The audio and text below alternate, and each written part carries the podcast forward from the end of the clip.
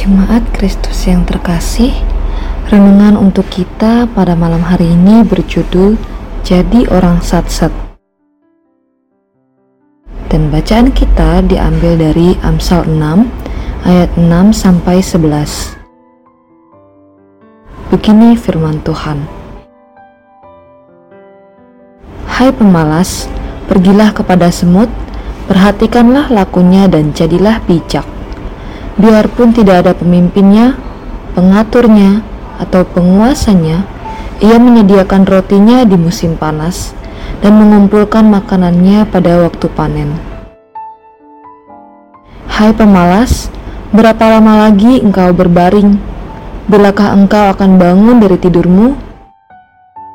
Tidur sebentar lagi, mengantuk sebentar lagi, melipat tangan sebentar lagi untuk tinggal berbaring maka datanglah kemiskinan kepadamu seperti seorang penyerbu dan kekurangan seperti orang yang bersenjata.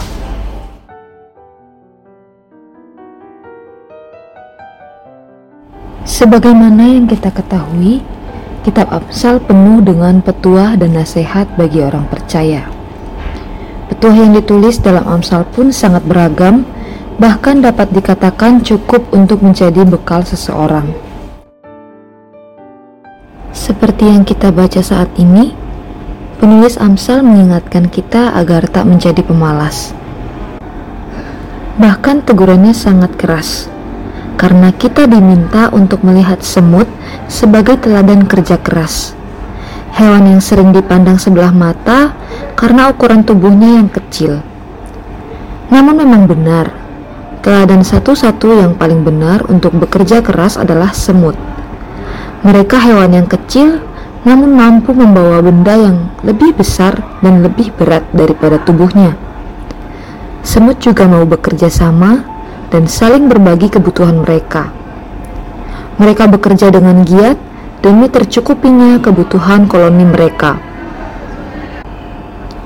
Saat kita memilih menjadi pemalas, seharusnya kita menjadi orang yang paling malu karena ternyata berkat Tuhan yang sudah kita miliki berupa tubuh kita tak mampu kita pergunakan dengan maksimal. Kita telah diberikan modal yang lebih dari cukup untuk bertahan hidup dan mengelola kehidupan kita. Mulai dari kekuatan kita, akal budi kita, energi kita, semua adalah modal yang sangat berharga dan itu semua lebih daripada yang dimiliki oleh semut. Seharusnya kita malu kalau kita memilih berpangku tangan. Ayo, jadi orang sat-sat.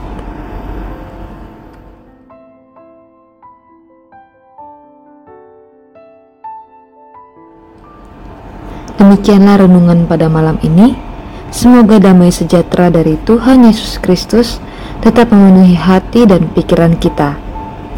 Amin. Jemaat yang terkasih, Mari kita bersatu hati menaikkan pokok-pokok doa yang ada dalam gerakan doa 21 GKI Sarwa Indah. Mari kita berdoa.